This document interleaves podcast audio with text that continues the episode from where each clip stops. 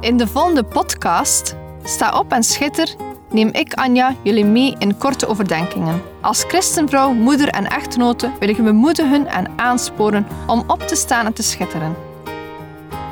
We zijn niet gemaakt om in Gods koninkrijk stil te zitten en niets te doen, maar om op te staan en dienstbaar te zijn. In de eerste plaats tien over God, daarna tien over ons gezin, onze partner of onze geloofsgenoten. En als gevolg zullen we dan ook schitteren in de wereld.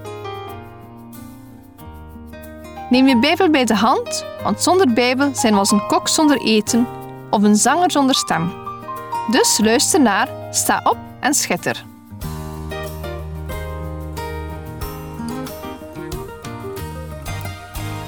Thema van vandaag is het weer. Van het weer kun je van alles verwachten. Soms schijnt de zon volop, maar dan kan het de volgende dag regenen. Soms kan het zelfs hele plekken verwoesten, bijvoorbeeld overstromingen en orkanen. In sommige landen is dan ook zeer normaal om steeds voorbereid te zijn op een orkaan, tornado of sneeuwstorm. Mensen leggen schuilkelders aan en zorgen steeds dat er voldoende eten in aanwezig is, om een paar dagen tot weken te kunnen overleven.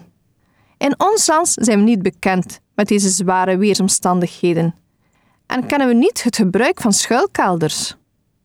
We kunnen wel stormen van ongeveer 30 km per uur die voor ons land heen gaan. Deze stormen kunnen veel kapot maken. De storm van 2022 heeft ook bij ons een gedeelte van een overkapping afgerukt en deze kwam bij de buren terecht. We hadden gelukkig weinig schade en we leerden om ons hier beter op voor te bereiden. We hebben de overkapping nu veel steviger vastgemaakt. Maar wat als het de storm van het leven betreft? Moeten we ons op dat gebied van tevoren voorbereiden? Bijvoorbeeld op periodes van beproevingen en lijden? Ik geloof van wel. Het is belangrijk om onze geest en hart voor te bereiden op de onvermijdelijke beproevingen van het leven. Zonder een goed geestelijk fundament lopen we meer gevaar om vergeblazen te worden door de harde windstoten van lijden, wanneer we in ons leven mee geconfronteerd worden. Wat betekent het om een geestelijk fundament te hebben? Het betekent een theologie over lijden te hebben. Er zijn christelijke bewegingen die enkel een positief evangelie brengen. Ik weet echt niet wat deze mensen doen met bijvoorbeeld het boek Job, waar we lezen over een rechtvaardig man die toch veel ellende overkomt. Er zijn vrienden die Job troost aanbieden, of proberen de schuld van zijn lijden bij hemzelf neer te leggen. Het boek Job rekent af met de overtuiging dat schuld en lijden altijd samengaan, of dat er zin schuilt in elk lijden. Een les die ook aan ons gericht is. Er is vaak geen antwoord op lijden. Ik heb wel eens ervaren dat het soms ook omgekeerd is. Wat bedoel ik daarmee? Wel, soms is er een storm die niet veroorzaakt wordt door mijn ongehoorzaamheid, maar juist wel door mijn gehoorzaamheid aan God. Als zo Satan zegt: Oh Anja, vaart de goede kant op, laat ik even aan die boot schudden en hopen dat ze haar hoop en vertrouwen verliest. Er is strijd in de hemelse gewesten en die we niet mogen wegcijferen. Die is reëel. Ook in Matthäus 5, vers 45 zegt Jezus het volgende. Want Hij, dus God, laat zijn zon opgaan over slechte en goede mensen en laat het regenen over rechtvaardigen en onrechtvaardigen. Dus, als we in een storm zitten, regen, sneeuw of als we genieten van de zon, God heeft alles in controle. We mogen weten dat Hij bij ons is. Als we Gods woord bestuderen, zullen we zien hoe God is. We zullen leren over Zijn liefde, hoe we blijven vertrouwen in de storm van ons leven. Het is God die de zon doet opgaan en de regen doet neerkomen op zowel goede als slechte mensen. Er is een mooi verhaaltje over slaven in de storm die ik met jullie wil delen. Een jonge man solliciteerde voor een job op een boerderij. Toen de boer vroeg om zijn kwalificaties, zei hij: Ik kan slapen door de storm. Dit verbaasde de boer. Maar het gesprek verliep goed. En de boer had een goede indruk over deze jonge man en nam hem in dienst als medewerker op zijn boerderij. Een paar weken later werd de boer en zijn vrouw in de nacht gewekt door een hevige storm die door de vallei scheurde. De boer sprong uit bed en riep naar zijn nieuwe werknemer. Maar de jonge man was aan het slapen en werd niet wakker. De boer en de boerin begonnen zo snel mogelijk alles te controleren. Zij vonden dat alle deuren veilig en stevig op slot waren. Er lag een grote hoeveelheid goud klaargelegd naast de open haard. Zij vonden dat de landbouwwerktuigen veilig waren weggeborgen in een afgesloten koffer. Ze zagen dat de tarwe was vastgebonden en ingewikkeld in doeken. De tractor stond veilig binnen in de schuur.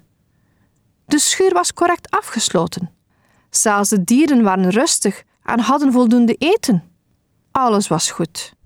De boer begreep toen de betekenis van de woorden van de jonge man. Ik kan slapen door de storm. Omdat de jonge man zijn werk goed deed, was hij steeds voorbereid op een storm en kon hij ook rustig slapen door de storm heen. Zo moet ons leven zijn. Als we leven met God en gehoorzamen aan zijn roeping, zullen we kunnen slapen door de storm. We zullen weten dat God alles onder controle heeft. Als het gaat over stormweer, dan denk ik ook aan het verhaal in Lucas 8, versen 22 tot 25, waar staat: Het gebeurde op een van die dagen dat hij met zijn discipelen aan boord van het schip ging. Hij zei tegen hen: Laten wij overvaren naar de overkant van het meer. En zij voeren weg. Toen zij voeren, viel hij in slaap en er viel een stormwind neer op het meer. En hun schip liep vol water en ze waren in nood. Ze gingen naar hem toe, wekten hem en zeiden: Meester, meester, wij gaan vergaan. Toen stond hij op en bestrafte de wind en de golven. En ze gingen liggen en er kwam stilte. Hij zei tegen hen: Waar is uw geloof? Maar zij waren bevreesd en verwonderden zich. En ze zeiden tegen elkaar: Wie is deze toch? Dat hij ook de winden en het water bevel heeft en ze hem gehoorzaam zijn. Jezus en de discipelen zitten samen in een boot. Ze varen naar een bijgelegen stad om het goede nieuws te verspreiden. En Jezus valt in slaap aan boord van het schip. Er breekt een storm uit en Jezus blijft slapen. Als de discipelen hem in paniek wakker maken, meester, kan het u niet schelen dat we vergaan? Is de reactie niet herkenbaar? Wat zeggen we in onze stormen? Waarom reageert u niet? Waarom laat u dit toe? Jezus wist dat er een storm zou komen, maar hij was er gerust in. Hij weet ook dat er stormen in ons leven zouden komen. Hij heeft ons nooit iets anders beloofd. Hij belooft ons geen gemakkelijk leven, wel een behouden thuiskomst. Hij belooft ons hemel in plaats van hel, door zijn offer aan te nemen. Hij zal ons inderdaad helpen onderweg. Hij zal ons zegenen en kan ons ook wonderen tonen. Maar soms zal hij ook beslissen om stil te zijn. Nadat hij de storm heeft laten liggen, wendt hij zich tot de discipelen en vraagt: Waar is jullie geloof? Ze hoefden zich geen zorgen te maken. Jezus had alles onder controle. Helaas zijn we vaak zoals de discipelen. We zijn bang door de wind en de golven van het leven. We zijn bang dat we onze doelen nooit zullen halen, dat we van koers zullen raken, dat we onze bestemming niet halen. Dus we raken in paniek en maken ons zorgen. De Bijbel zegt ons dat we onze zorgen op God moeten werpen. Zorgen maken is het ergste wat we kunnen doen tijdens een storm. Nogmaals, ik weet het. Gemakkelijker gezegd dan gedaan. Maar het is de bedoeling dat we groeien. Zorgen maken is eigenlijk Jezus niet vertrouwen. Klinkt hard, maar dit is wel wat de Bijbel zegt. De meesten van ons zullen zich wel eens hebben afgevraagd hoe we ons het best op een storm van het leven kunnen voorbereiden.